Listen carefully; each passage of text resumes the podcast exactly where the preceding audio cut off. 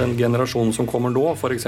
min datter osv., de har helt andre krav til hvordan man tenker, og hvordan vi egentlig utfører produksjon av mat, hvordan vi egentlig tilbyr hotellgjestene våre hotellrom, og hvordan vi tilbyr konferansefasiliteter osv. Mm. Det kommer til å bli veldig endret. De som greier det, de overlever. De som ikke greier å følge med på den biten, sorry, de forsvinner. Velkommen til en ny episode av I loopen. Podkasten som gir deg inspirasjon og læring for å holde deg i loopen på jobb. Jeg heter Guro Seim, som alltid, og skal lede dere gjennom dagens episode, hvor vi skal snakke om fremtidens hotellbransje. Altså, Vi har jo alle et forhold til hoteller. Eh, Sikkert veldig mange gode opplevelser. Kanskje noen få dårlige som man også husker.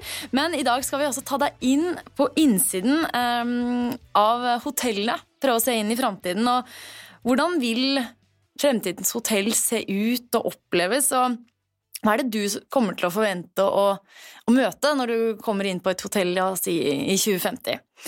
Jeg sitter heldigvis ikke med svarene selv, men har med meg eh, et orakel her som sitter ved siden av meg. Velkommen først til deg, Morten Thorvaldsen, eh, konserndirektør, Tone Hotell. Tusen takk. Um, du, altså Jeg så på LinkedIn at, eh, at du har vært det siden 1989. Det stemmer. stemmer. det? det stemmer. Altså, du er, det er like gammel som jeg er, faktisk. Ja. det er fantastisk. Ja, det er det som er spennende med reiselivsnæringen. vet du. Ja. At, uh, det er mange springbrett, og det er mange nye utfordringer hver dag. Så det er liksom, det er ingenting som er den ene dagen er lik forhold til den andre. Og altså, det er spennende. Ja. Fantastisk. Så du, du, sitter jo med masse erfaring som jeg gleder meg til å høre mer om i, i episoden. Og ved siden av deg så sitter du André Ralf, eh, partner i Deloitte. Jobbet eh, masse med hospitality og deriblant eh, hotellbransjen i, i Deloitte. Og leder AI og data. Velkommen til deg, André. Takk. Og hvis dere lyttere sitter og tenker nå gjennom episoden hvor er det, Hvilken dialekt er det André har? Så kan jeg røpe da at det er en dansk aksent. Sant, eh, André? Ja, den, ja. Er, den er, litt sørfra. litt sørfra. Mm. Så jeg tenkte vi skulle begynne litt med å snakke om eh, kundebehov. da. For i, i alle bransjer så er det jo er jo kunder i sentrum, og, og, hva de vil ha, det må jo ofte være retningsgivende for hvordan man skal utvikle seg framover. Så i, eh, i, hotellbransjen, hvis du kunne begynne med å se litt, Morten, om hva, hva er det kundene søker nå, og hva er det dere ser liksom, i, endringer i kundebehov som vil være framover? Endringer i kundebehovet det vil nok være at eh, det skal være enkelt å kunne booke, og det skal være enkelt å kunne sjekke inn. Mm. Eh, den andre det andre som kunden egentlig også nå setter krav til, det er jo at eh, vi som driver også med kurs-konferansevirksomhet, at man har oppdatert teknisk utstyr. Men det mm. viktigste, og det som aldri, aldri blir endret, det er at det må være god service. Det må mm. være en god seng å sove i, og det må være en god frokost. De tre kriteriene de kommer aldri til å endre seg. Jeg har en, med, eh, en kollega i redaksjonen min, Mina, som, eh, som sa at eh, hun har, hun har vært flyvertinne i ti år og reist masse. Og sa Thon hotell, de har de beste sengene. så det, det, er viktig for dere. Det, det, vet vi, da, og det er viktig. Det er viktig. Ja. Og vi har egentlig utviklet sengene våre gjennom Jensen. Og Dere har utviklet ja. sengene sammen med de? Ja. Ah. Så de har da laget da en hotellseng som skal være god å ligge i og at den ikke endrer seg så veldig fra person til person. For det er jo det som er litt av utfordringen med senger. da. Ja, hvis, du, hvis, du, ligger i sengen din, så utfordres sengen etter deg. Men eh, det er viktig med en hotellseng, at uh, den må være stabil til enhver tid. Ja, ikke sant. Har, men dere har jo også ulike segmenter. ikke sant? Eh, privat og forretning, er det Ja, vi har privat og, og forretning og mm. kurskonferanse. Ja. Og eh, privat, da er det utrolig viktig at eh, du har det som også er rundt hotellet. At eh, gjesten kan oppleve andre ting enn bare å bo i hotellsengen eller spise en god, god frokost. Mm. Så det, det, er viktig. Og de kriteriene blir nok nå viktigere og viktigere i forhold til det private markedet videre fremover i tid. Pga. det private markedet begynner nå å være flinke til å ikke bare reise ut av Norge, men også bruke Norge som eh, hel, en helhet. Mm. Og det vil si at vi som da hotelloperatør, vi må også være flinke til å tilrettelegge for både enkeltpersoner, par og for familier. Mm. Og det blir nok et krav som blir sterkere og sterkere nå videre fremover i tid. Så vi må høre Hva er det kunden ønsker? Så Det som er også et viktig poeng da, nå videre fremover i forhold til at vi har vært gjennom en pandemi osv., det er å se gjesten, høre gjesten og forstå gjesten. Mm. Hvis vi greier de tre parameterne, så skal vi nok greie å drive vår bransje ganske, ganske bra videre fremover. Mm. Um, altså, du var inne på det. Korona har vært, og vi skal ikke bruke masse tid på korona. Det er jo alle lei av å høre om, kanskje. Men uh, hva tenker du, André? Er, korona vært en uh, endret retning for hotellbransjen, eller er det en akselerator på trender som vi allerede så, eller? Jeg tror at det påvirker vårt reisemønster. Altså Som øh, Morten sier, vi kommer til å vurdere andre reisemål enn vi har tenkt tidligere. Og det vil si Sammensetning av gjestene på hotellene vil endre seg. Øh, jeg tror det er veldig mange som har oppdaget Norge i løpet mm. av de siste par årene og, og virkelig opplevd hvor, hvor, flott det kan være å reise i eget land. Øh, så det tror jeg absolutt vi kommer til å se mer av. Mm. Eh, du er enig, Morten? Ja, det, det er jeg enig i. Ja. Det er jeg enig i. Men eh, det som også er viktig, da, det er jo selvfølgelig at eh, vi som driver i denne bransjen, vi må også være flinke nå til å se på Altså økosystemet i forhold til altså, hvordan kan vi bli mer bærekraftig, hvordan kan vi være enda flinkere til å bruke lokal mat, hvordan er det vi kan være flinkere til å bruke lokale aktører osv. De tingene også er veldig veldig viktige videre fremover. Og jeg tror at det blir faktisk et krav fra den reisende. At eh, mm. vi forventer faktisk at eh, reiselivsnæringen også tar et uh, grep, og det gjør vi selvfølgelig. Ja. Mm.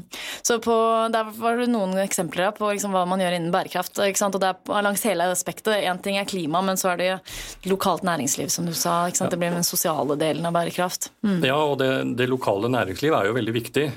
Du kan ta et eksempel. altså Hvis vi reiser til Nordheimsund, så, så, må vi ha det lokale næringsliv også med oss på lag. Og mm. da må vi være flinke også til å bruke det lokale næringsliv. Mm. Så, så, jeg tror akkurat dette med den lokale forankringen i forhold til å være bærekraftig, det er utrolig viktig. Mm. Og så er det viktig i forhold til den grønne, at vi er flinke til å se på hva vi bruker av eh, mat, hva, hvordan vi preparerer maten, at vi er flinke til å ha mindre, altså kaste mindre osv. For min generasjon Sånn som du sa, du har jobbet lenge i bransjen, og det, det har jeg. Eh, men min generasjon har nok én oppfatning av hvordan ting bør være. Mm. Men den generasjonen som kommer nå, f.eks. min datter osv., de har helt andre krav til hvordan man tenker, og hvordan mm. vi egentlig utfører produksjon av mat. Hvordan vi egentlig tilbyr hotellgjestene våre hotellrom, og hvordan vi tilbyr konferansefasiliteter osv. Mm. Det kommer til å bli veldig endret.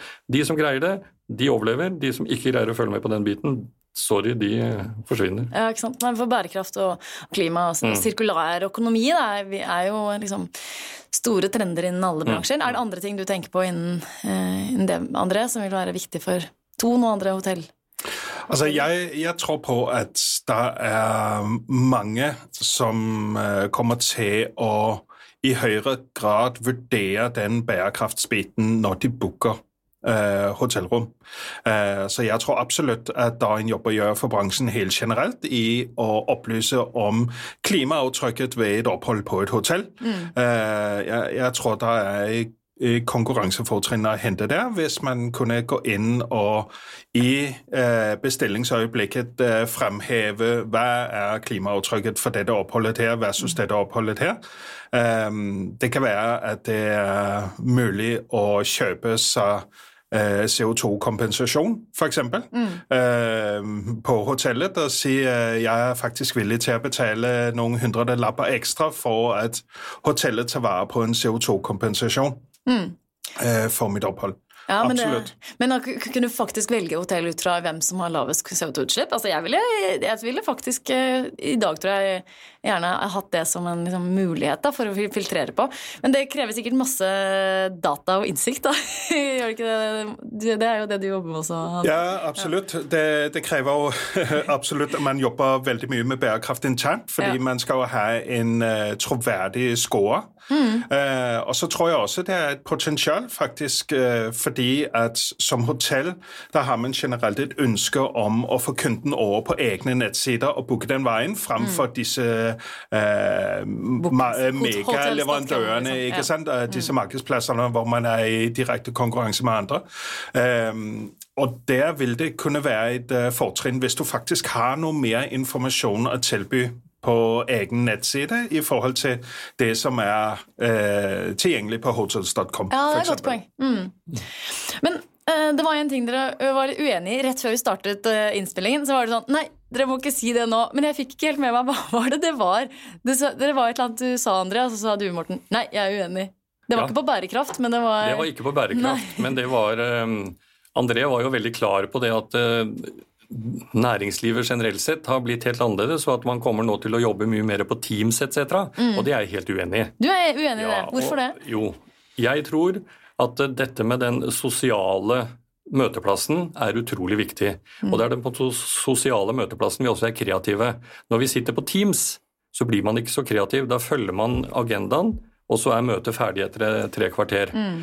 Og, eh, men jeg må jo være kanskje litt enig òg, da, allikevel. men, men, det som kan være, det er selvfølgelig at eh, de møtene som går over eh, ja, en kort tid, hvor du f.eks. reiser da til Trondheim og skal signere en kontrakt eller bli enige om et eller annet som står i et dokument, mm. det kan være at det går over Teams. Ja, Men selve møter og konferanser, mm. det kommer tilbake pga. vi ønsker å treffes. Man kan se nå f.eks. For i forhold til hjemmekontorene. Det fungerer ikke så godt, og du blir heller ikke så kreativ. Nei. Og den kreative løsningen, det er når du får en god pausemat mm. på konferansestedet, eller når du er på jobben og står ved kaffemaskinen og sier at vet du hva, jeg har et problem.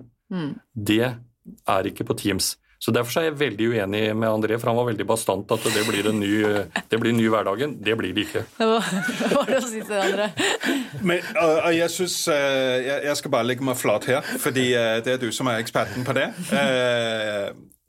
Det som jeg men du, er, men du er kunden, da. Ja, ja. Jeg er en av de som booker hotellene. Ja. Nei, jeg, jeg, tenkte hvordan, da, eh, hvordan tenker dere da å legge til rette for den kreative samhandlingen øh, på hotellene. Fordi det, det, må da være å si hvis, hvis en av årsakene til at vi fortsatt skal bruke hoteller som møteplasser og, og altså kurskonferanse, øh, hvordan øker man da øh, attraktive, hvor attraktivt det er å, å, bruke et hotell som den kreative møteplassen for bedriften? Mm. Det kan jeg svare på. vet du. Punkt én så er det utrolig viktig at eh, møterommet er tilrettelagt for deg som skal holde det kreative møtet. Det må være godt med lys, det må være god luft, og det må være godt teknisk utstyr. Så må vrimlearealene, der hvor du skal da ta pauser, de må være også tilrettelagt at man kan sette seg ned i en krok, eksempelvis, og, og diskutere med en kollega. Og eh, det må også der være tilrettelagt for at eh, man kan gjøre en eh, opplevelse utenfor hotellet. For uten å få noe påfyll i forhold til ifra deg, André, og si det at vi kan sette oss på yttersiden her nå etterpå og si det at eh, innsikt, da burde du gjøre sånn og sånn, eksempelvis, i forhold til hvordan du skal følge opp hotellene. Eller f.eks. at du kan få være med på en ribbtur hvor vi skal gjøre ting sammen. Så det er de tingene der jeg tror er utrolig viktig i dette med å få en kreativ samling til å fungere på best mulig. Men selvfølgelig, møterommet er alfa og mega pluss vrimområdene utenfor møterommet. Og Det blir sikkert masse nye type teknologier man kan bruke også kanskje i, mm. i de møterommene og sånn? Det også. Mm. Og det, det, har vi, det, har vi, prøvd nå i pandemien, faktisk. Ja. Så har vi prøvd da med at det har vært eh, Det var før det ble ordentlig nedstengt, da, sånn sett. Mm. Så hadde vi da møte på et hotell hvor det var en storskjerm og hvor man også da, når man gikk på talerstolen, eller det var en i salen som snakket, så fulgte kameraet med. Og det mm. vil si at da følte du mye mer at du var med i diskusjonen. Ikke bare det at du så de som satt rundt bordet osv. Så, videre. mm. så Så de, det er muligheter til mm. å få dette til, mm. og det tror jeg også kan være en god mulighet videre fremover i tid, er at du kan ha 100 stykker i Trondheim, du kan ha 50 stykker i Bergen, og så er det 20 stykker i Oslo, men alle er på samme møte. Det tror jeg nok. Mm. Men at må komme, noen må forflytte seg og komme på hotellet, det, det tror jeg fortsatt vil være. Mm. Jeg gir meg ikke på den. Nei, og, og det, det jeg, jeg, tenker jo at det er jo en, en, en super løsning. Altså hvis vi, hvis vi kan møtes i grupper, mm. eh, og sammen bli eh, en stor gruppe som har et møte. Mm. Det tror jeg absolutt mm. vil være attraktivt, fordi det er veldig mange som eh, er leie, som du sier, å sitte alene på Teams. Eh, men, det, men det å måtte ta et fly er heller ikke superattraktivt. Nei. Altså, det er jo veldig mange hoteller der ute, og jeg skulle denne uka skulle jeg booke eh, billett til Tenerife, eller booket flybillett var én ting, da, men også hotell sammen med familien min. Og så gikk man inn på en søkemotor og bare fint for et haug, en haug av hoteller med Diamond, uh, Diamond Resort og, og, jeg vet ikke hva. Og det er veldig vanskelig å skille dem. Altså, det er jo en ting jeg har lyst til å snakke litt med dere om. Da. Hvordan, Hvordan man kan skille seg ut, og, og, hvor viktig det er å ha en tydelig uh, profil. Liksom, skal man skille seg ut, eller prøve å Eller skal hvert hotell uh, være helt likt? Um, men først, hvor viktig tenker du at det er å ha en tydelig profil i framtiden, Morten? Det er eh, veldig viktig. Og så tror jeg det er veldig viktig at man lager nettsider som er eh, lett å lese, og ikke minst lett å booke. Mm. Og jeg tror også i forhold til det du er inne på da, i forhold til at du går inn på hotels.com eller på Expedia mm. eller hva det måtte være, så tror jeg at eh, vi i hotellbransjen må være flinkere til å lage egne, egne sider som er eh. De kan godt være med på linker i forhold til f.eks. For Visit Oslo, mm. men da når du går inn på Visit Oslo, så skal du på hotellvalg, og da har du forskjellige kriterier på, på hotell, og det må jo være enda mer synlig på enn det vi kanskje er, ikke bare kanskje, men mm. det vi er per i dag. Og så tror jeg profilen til alle hoteller den må være unik for hotellkjedene eller mm. hotellet. Alle hoteller har en seng, alle hoteller har et rom. Mm. Vi har en dusj og vi har en frokost.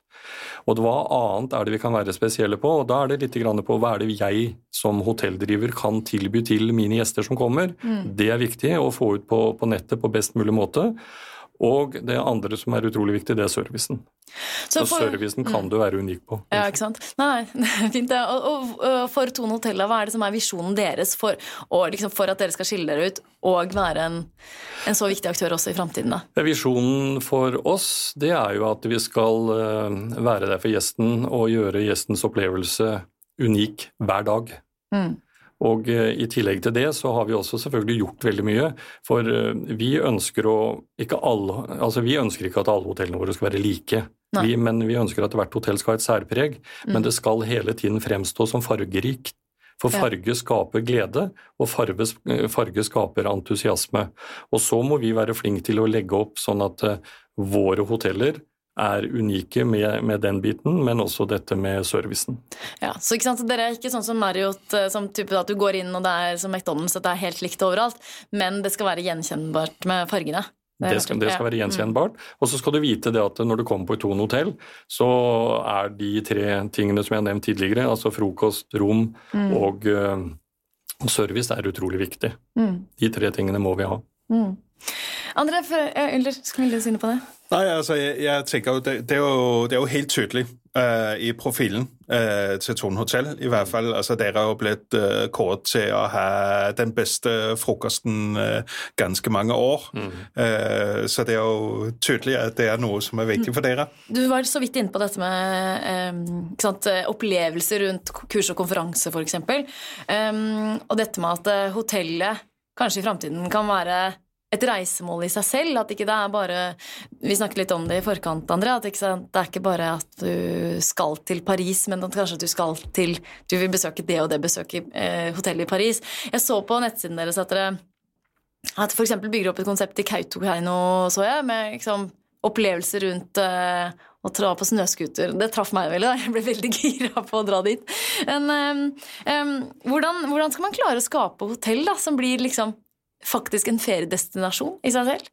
Da må du i første omgang så må du sette deg ned og analysere. Hva er det vi egentlig greier å få ut av dette hotellet, ut ifra det som er rundt. Mm. Og Da er det et veldig godt eksempel. Det er at uh, Kautokeino, da. Altså Hva er det som kan være unikt der oppe i forhold til at vi ønsker både kurskonferanse, vi ønsker feriefritidsgjester mm. til, å, til, å, komme dit. Og Da er det rett og slett å gå inn og se altså, hvilken aktører i forhold til opplevelse kan du samarbeide med, mm. og hvor sikre er de på at de leverer en god leveranse. For det er også viktig. Og, og da er det at du kan skape snøscootertur, eller du kan uh, ha reinkappkjøring mm. osv. Så, så, egentlig Kautokeino er vel noe av det letteste i gåsehøyne. Ja, det, det, det, som er, det som er litt av utfordringen der, det er jo at det er ganske langt å reise, da, mm. sånn sett. Men det er en opplevelse å komme dit. Mm. Det er ingenting som er bedre i forhold til å tenke kreativt, senke skuldrene og uh, kose seg. Det er å reise til Kautokeino og være igjen på vidda. Altså. Ja. Da, har du vært der? Ja, mange ganger. mange ganger. Jeg har aldri vært i Finnmark. Mitt, altså, det er helt flaut. Det er faktisk mitt fristed. Det å reise, reise dit, ja. Oi, å reise dit og fiske med flue, f.eks. i de små i småvann, det er jo ikke akkurat småvann, men de vannene som er der oppe. Og i tillegg til det å pilke. Og det å kjøre litt snøscooter er også morsomt. Ja, det er ikke veldig gøy. Har du prøvd det før, eller? Det er ikke så mye av det i Danmark? Nei, det det er ikke så mye av det. Uh, jeg, har, jeg har vært i, i Svolvær ja. øh, og, og, opplevd uh, Hotels der. Uh, veldig positive opplevelser. Mm. Uh, absolutt. Og fått med meg også mye av det rundt i form av skreifiske og sånn. Mm. så jeg er helt med på dette med, med å skape gode destinasjoner. Det er, det er viktig. Og Jeg kan jo nevne akkurat når det gjelder Svolvær, for da blir man ja, litt revet med. Og det er at Der eh, satte vi oss ned sammen med direktøren, for vi fikk jo muligheten til å bygge ett hotell til. Så nå har vi jo to hoteller i Svolvær. Ja. Og, da, og da satte vi oss ned sammen med Erik Taraldsen, som han heter der, og eh, ble enige om at hva er det vi nå skal gjøre for å få dette hotellet spesielt. Mm. Og da gikk han gjennom og tenkte litt, og vi tenkte litt. Så det det endte med der, det er faktisk det at vi har laget et eget fiskebruk så der eh, ah. inviterer vi gjestene til å være med ut på linefiske. Ja, og kult. Eh, være med å agne lina òg, da. Og i mm. tillegg til det dra fisken inn, sløye fisken inni i dette fiskebruket. Og i tillegg til det være med eventuelt å lage og preparere denne fisken sammen med kokkene. Det har vi fått til. Og i ah, tillegg til det så har vi også laget et eget, eh, et eget gartneri på taket som er 200 kvadratmeter hvor vi produserer jordbær, agurker, squash og krydder. Så, og, og der på sommeren? Eller? Nei, på, nei. nei hele, året, drivhus, hele året. Liksom. Det er skikkelig ordentlig drivhus. Mm. Og Der har også gjestene muligheten til å være med opp og eventuelt ta ut de krydderne og det de ønsker da og, å ha på maten. Så det med å finne på nye ting og lage opplevelse, det er utrolig viktig. Og mm. det er vi veldig opptatt av i forhold til de hotellene da som ikke ligger i Bergen, Trondheim, Tromsø og i Oslo. Mm. Kult, liksom opplevelsen fra Så der må du ta deg en tur. Ja, det fikk jeg veldig lyst på. Linefiske starter klokken fire om morgenen. Bare sånn, ja, okay, ja, men bare, har en ettåring jeg, som våkner klokka fire-fem uansett, så det ja, da, går bra. Da går det greit. Da går det greit. um, men jeg har lyst, lyst, til å prøve, hvis vi nå liksom, prøver virkelig dykke inn i framtiden og liksom, se for oss at vi skal inn på et hotell i 2050, og, og la oss tenke så futuristisk eh, vi klarer, da. Vi går inn, hvor går vi inn, og, hvordan er opplevelsen? Er det en av dere som vil uh, ta den utfordringen? Ja, jeg kan godt ta den, jeg. For vi har jo tenkt litt på det. Ikke mm. bare litt, vi, vi tenker jo på det. Altså hvordan er det vi skal lage hotellet videre fremover i tid. Og jeg tror punkt én så starter det egentlig hjemme. Hvor du skal begynne å booke hotell. Og da vil du f.eks. reise til eh, ja, si Norge, da og finner destinasjonen, så kommer det da forskjellige ting opp. Men da når de forskjellige destinasjonene i Norge kommer opp, så kommer det automatisk også opp hvordan du kan fly dit. Du kan bestille fly i samme bilde.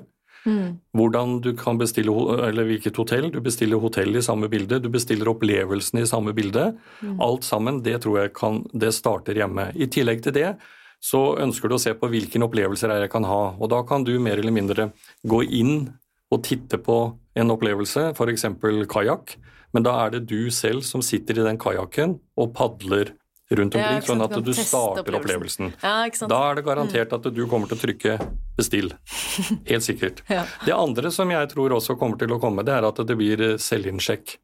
Og i tillegg til det så tror jeg også faktisk at eh, selvinnsjekken den eh, er jo litt allerede, men så tror jeg at det kommer til å stå en liten PC på resepsjonsdisken, og den PC-en den snakker f.eks.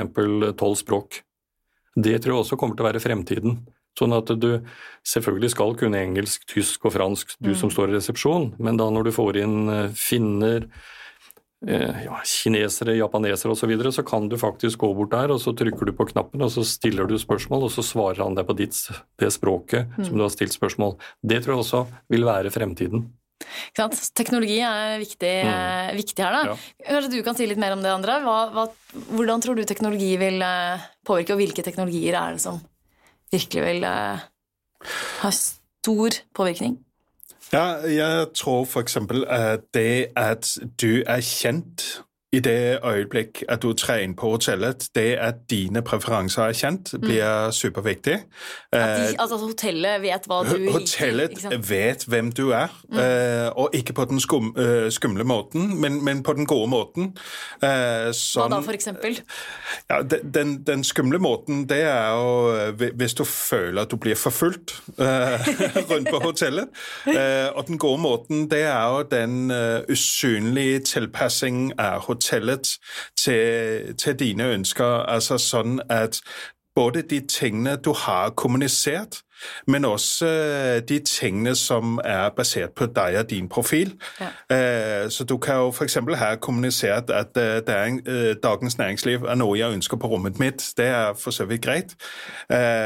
Men også fint at hvis du er barnefamilie, at du ikke må styre og stelle med å kontakte resepsjonen for å få se en sjekk ut, f.eks., men Ja. det bare er en ting du har som standard. Eh, og det er barneseng der? og, og, og alle, alle disse tingene her er lagt til rette for deg, basert på deg og din profil. Og kanskje at uh, sist du var på her, så hadde du eh, hadde du 17 grader på hotellrommet, du liker å ha det litt kaldere, ja da er det det allerede, så du slipper å liksom stille det inn og vente fem timer før den riktige temperaturen kommer, liksom. For eksempel. Mm. Ja. Så jeg, jeg tror det er veldig mye sånn. Men, men dette med liksom, Du snakket om selvbetjening, Morten. Altså det, det er vel en balanse her, og sikkert et vanskelig dilemma. Det derre bruken av teknologi og robotisering eller versus sant, menneskelig kontakt. Hvordan tenker du om det dilemmaet der, da? Den menneskelige kontakten vil alltid være der. Det vil alltid være mennesker som er til stede et eller annet sted, og eh, være i resepsjon osv. Men jeg tror mm, grunnen til at det blir mer sånn teknologisk, det er rett og slett at eh, vi er mer, vi er mer teknologisk eh, styrt Mm. i alt det vi gjør. Og eh, man kan jo se bare det å følge med på strømmen, hvor du da kan si at nei, nå kjører jeg ikke vaskemaskin i dag pga. nå er det oppvaskmaskin som skal gå osv. Det kan du gjøre på en app. Sånn at akkurat de tingene her, de eh, må vi bare innse at eh, de kommer. Og hvordan er det vi da kan ligge i, for, i forkant av, av tingene, og ikke minst, hvordan er det vi da kan tilfredsstille både de som er på kurskonferanse, i forhold til hvordan de bestiller kurskonferanse, og hvordan er det vi kan, eh, for deg som forretningsreisende, akkurat som André sier, i forhold til å kjenne enda bedre til profilen. Og så er det det siste, det er jo da på forretningsreisende. At når du kommer f.eks., så vet vi at du har et barn som har kolikk, da bør du få lov til å kanskje eh, ja, ha eget rom som det er litt mer lyddemping på osv. Ja, sånn, sånne ting også, ja. Men, Mm, men i hvert fall prøve å legge det til rette så mye som mulig, det tror jeg er viktig. Men at du da kan gjøre alt dette i det du bestiller, det tror jeg er viktig. Mm. For i dag, hvis du skal bestille et hotell, så må du inn på hotellet først, og så må du finne om det er ledig reiserute. Og så når du da kommer til hotellet, så skal du begynne å se hva slags aktiviteter er det der. Og fått skrudd dette sammen i én enhet. Jeg vet det er på gang, men uh, til raskere vi får det opp, til bedre er det. Er det, ja. Nei, jeg tenkte i den forbindelsen, da snakker man jo veldig ofte om hvem det er som skal eie øh, kunden mm. i en sånn setting. Mm. Er det ambisjonen til, til Tone Hotels at dere skal eie kundereisen fra A til Å, og være den som nettopp legger til rette for øh, både booking av hotell og alt, sånn at det er dere som er reiseportalen? Ja, og der tror jeg, ikke bare tror, men der har nok vi i reiselivsnæringen vært litt bakpå. For vi ble veldig imponert når både hotels.com og Expedia kom og sa vet du hva, her kan vi legge dere inn, og så kan gjesten booke osv. osv. Men vi eide jo ikke gjesten. Vi ga mm. jo faktisk gjesten fra oss i et stort område, som da er eh, stasjonert i Amerika. Mm. Og, og, det er en viktig ting som du er inne på, André. Altså, hvordan er det vi kan ta et enda, enda større eierskap til gjesten, sånn at gjesten er vår? Og det er vi som gir deg informasjon, vi sender informasjon til deg osv. Det går ikke gjennom hotels.com eller Expedia. Så det er en veldig veldig viktig ting videre fremover i tid. Mm. Og ikke nok med det, så er de kanalene veldig dyre for hotellene generelt sett. Det er mm. store, mm. det er det, store provisjoner som går ut. Mm. Så hvis du er ekstra heldig med f.eks. hotels.com, så skal jo de ha den the best, uh, best price available. Og det vil si at hvis du da gir en sommerpris, så skal du gi sommerprisen, og så går 15% bort f.eks., eller 20 til Expedia. Og så reiser du, og så betaler du med kredittkort i tillegg. Da blir det ikke så veldig mye igjen på hotellet. Nei, så dette med å eie gjesten det er utrolig viktig videre fremover. Mm. Jeg, jeg, hører også indirekte et lite eh, opprop her til folk som booker hotell. Gjør det på nettsiden til hotellet.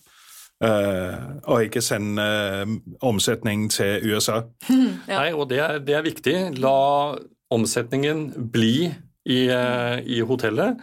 Og ikke bruk hotels.com og Expedia, men bruk hotellets egen hjemmeside. Der får du best informasjon, og du får den beste prisen, og du får den beste opplevelsen når du da kommer til hotellet. Oh ja, er det, det hotell...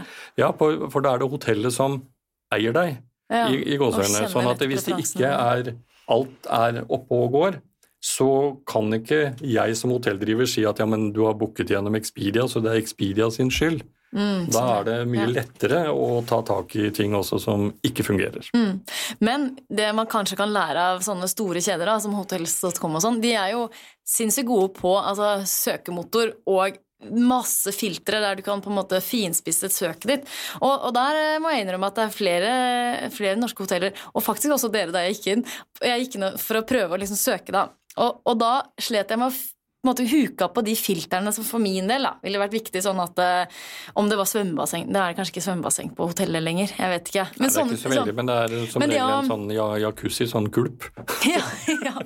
Nei, men det å på en måte kunne ha nettsider som, som, lar oss som kunder på en måte virkelig finne det hotellet som er perfekt for meg, da. det tror jeg vil være Og det har dere sikkert fokus på, da. men øh, viktig framover for å kunne ta opp kampen med de svære kjedene. Forsøkte du det på hotels.com? Nei, jeg forsøkte på Thon hotell. Oh, ja, ja. Nei, men det, det, jobbes med på Thon hotell. Ja. ikke sant? Ja. Og vi er ikke så veldig hissige på å være på hotels.com og det er kanskje ikke riktig å si, men det er like. Nei, nei, men det, Poenget mitt var bare at det, eh, det er jo en grunn til at, at kundene mm. bruker sånne tjenester. Og det er jo noe med at man kan lære av sine konkurrenter da, på, ja, ja. på liksom, ja, hva, som, hva, som, gjør at folk bruker det. Mm. Men um, på teknologi, er det andre kule ting du kan røpe, Morten? Som dere snuser på, dere har piloter på?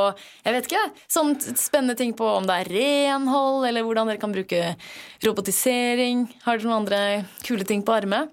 Ja, nå er du litt inne på det man kaller for bedriftshemmeligheter. ja, ja. Vi holder på veldig mye med akkurat de tingene ja. i forhold til hvordan er det vi kan rengjøre rommet bedre, hvordan er det vi kan gjøre ting på en annen måte. Mm. Men akkurat å her å broadcaste hva vi holder på med, det, det kan jeg ikke gjøre. Vi får heller eh, tenke at vi får, eh, vi får være gjester framover, så kan vi, kan se hva som kommer, da. Mm. Um, André, vi snakket også om litt sånn i forkant dette her med å utvide kundesegment. Altså det at uh, ser mange hoteller som f.eks. at uh, en restaurant, at du kan ha direkte inngang til restauranten. Lurte på om vi kunne snakke litt om det, hvordan, hvordan det vil være framover. Altså at det ikke bare er hotellgjestene man sikter seg inn på, men at uh, man prøver å trekke folk inn, inn fra gata. jeg vet ikke om du vil si noe mer om det eksempelet jeg nevnte nå, André, som vi snakket om i forkant? Ja, det vi, det vi snakket om, det er jo det at når du bor på et hotell, eh, da er jo typisk en restaurant hvor at eh, du kan vurdere å spise, eller du kan gå ut i byen rundt hotellet og, og spise middag. Eh, mens hvis du ikke bor på hotellet, da kan det oppleves som en veldig stor barriere å gå inn på et hotell og benytte restauranten. Jeg tror mange, mange direkte lurer på om det er lov mm. å gjøre.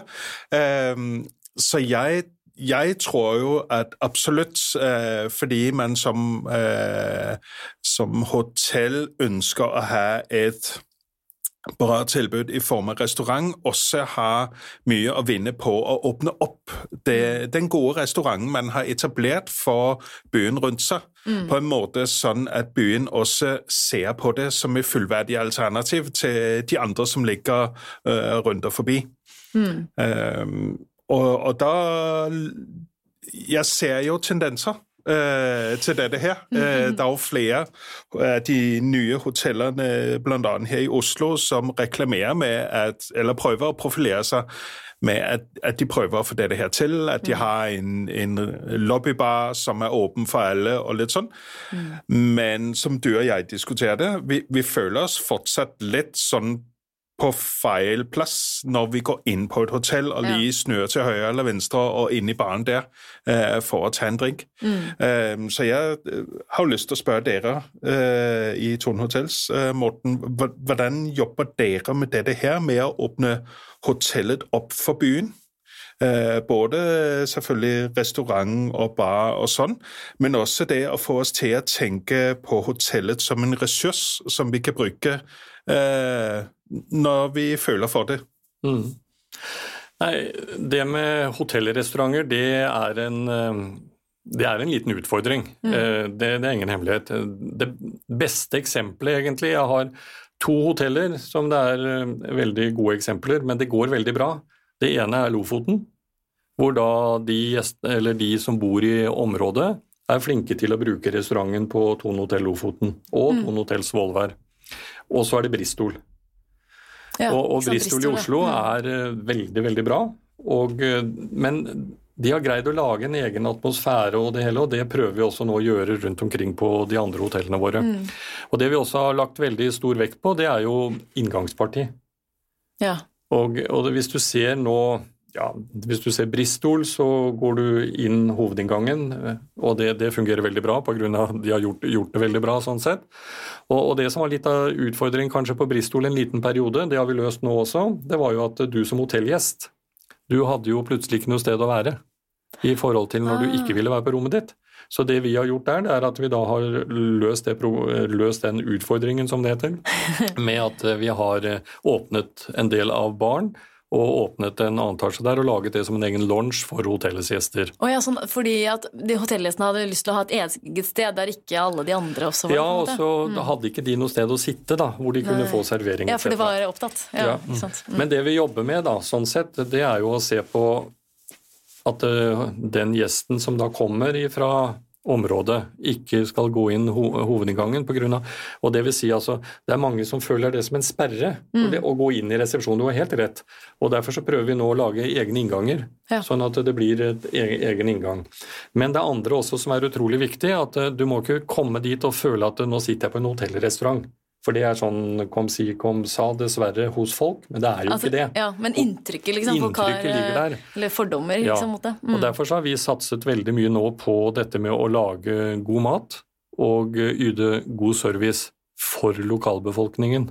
For det er utrolig viktig, for mm. det er den enkleste markedsføringen av hotellet, av restauranten. Det er at du som lokal kommer og spiser og er fornøyd og snakker positivt om det stedet. Men markedsfører dere da denne restauranten som et eget navn, eller er det på en måte fortsatt hotellrestaurant det heter? Liksom? Det, ja, altså på Ja, sier jeg. Det, i, i, Lof, I, Lofoten så mm. heter det Palais. Ja, ikke sant, så Arctic. Ja, ja, så det er et eget navn. Mm. Og det tror jeg også er veldig viktig. Mm. Og det samme Vinterhaven. Vinterhaven på Bristol er Vinterhaven. Ja, ikke sant. Og så er det, men så er det Bristol Grill. Og det er, eh, det er grillen der. Det er hotellets, jeg, ja. liksom. Mm. Men jeg tror akkurat dette med at hotellet har en restaurant med et eget navn, det tror jeg er ganske, det er viktig. Mm. Det er viktig. Og så er det utrolig viktig det igjen, da, at det er en egen inngang, og at du markedsfører det som en egen restaurant, selv om det ligger i hotellet. Det er viktig. Og så er det dette med denne, som jeg nevnte i sted, matopplevelsen. Og Ja. den at du har lokal mat, og det er lokal forankret, det er utrolig, utrolig viktig. Ja, Og med god mat og god service så følger jo gode anmeldelser og, og Ja, god det, det gjør det, og det er også, det er også viktig, da. Men, Ja. det, men det er litt den å få den eh, dørstokkmila, som han kaller det. Mm. Altså få bort den mentaliteten at det er ikke Altså, hotellrestaurantene er veldig bra. Mm. De behøver ikke å ligge alene. De kan ligge i, i hotellet Mm. og eh, allikevel ha, ha det bra. Og du tar jo altså Bristol, du ser jo Britannia eksempelvis, da. Mm. Det er jo konkurrenten, men jeg kan jo nevne likevel.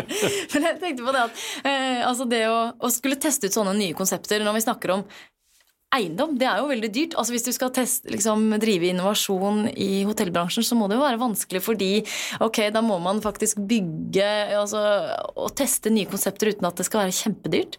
Er det Ja, vi- utfordring, eller? Ja, det er jo både en utfordring og Eller hvordan sikre at det treffer, da? det, det vi har gjort eh, spesielt på, på matsiden, Mm. det er jo at vi har et eh, testkjøkken ute på Oslofjord.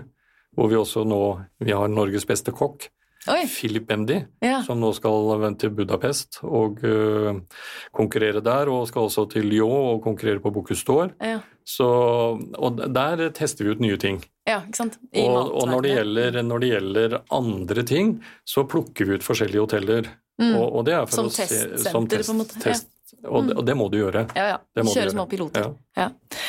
Tiden går fortere. Vi må begynne å, å runde av. Eh, sånn til Avslutningsvis, er det en ting dere tenker eh, liksom, eh, lytteren skal huske fra dette, om, om hvordan hotellbransjen blir i framtiden? Ja, lytteren bør tenke på at vi i hotellbransjen kommer til å legge opp en mer digitaliserte plattformer videre fremover i tid. Og vi kommer til også å sette utrolig stor fokus på service. Og så er det dette med den lokale forankringen, og ikke minst dette med bærekraft, som André nevnte i sted, i forhold til altså hvordan er det vi kanskje skal si at vi er et nullutslipp-hotell videre frem i tid. Så de tingene de er nok det som er viktig for oss å jobbe med, og også både samfunnsmessig, men ikke minst også når vi skal selge ut til turister i utlandet, så er det noe av det de setter krav til. Ja, veldig kult da, hvis dere blir nullutslippshotell. Da lover jeg jeg skal komme meg til Thon hotell hver eh, eneste gang jeg skal booke hotell, eh, Morten. eh, André, andre ting du tenker lytteren skal ha med seg fra i dag? Jeg, jeg tenker jo dette med at eh, bransjen generelt jobber veldig mye med å legge til rette for gode opplevelser, bør vi som kunder bruke eh, til å faktisk gå litt inn i øh, hvor vi ønsker å bo, hvor vi ønsker å legge våre penger, hvor vi øh, altså, bruker vår, vår kjøpekraft til å stemme frem de gode initiativene i bransjen. Ikke bare tenke vi trenger en, en seng og en frokost, men tenke her er det en bransje som gjør sitt ytterste for å skape gode opplevelser. Kanskje man skal være litt nysgjerrig på hvilke opplevelser de har tenkt å legge til rette for eh, når man skal finne neste plass man skal sove. Eh, sånn at man også eh, forholder seg litt kritisk til det, og ikke bare tar det, det enkle som bare er ja, den som står øverst på listen av en eller annen grunn. Men, men, eh, men bruker, bruker muligheten for faktisk å få en opplevelse.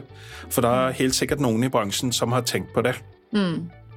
Det som er viktig det er å, til eh, lytterne, det er å bruke Norge hele året, hele landet.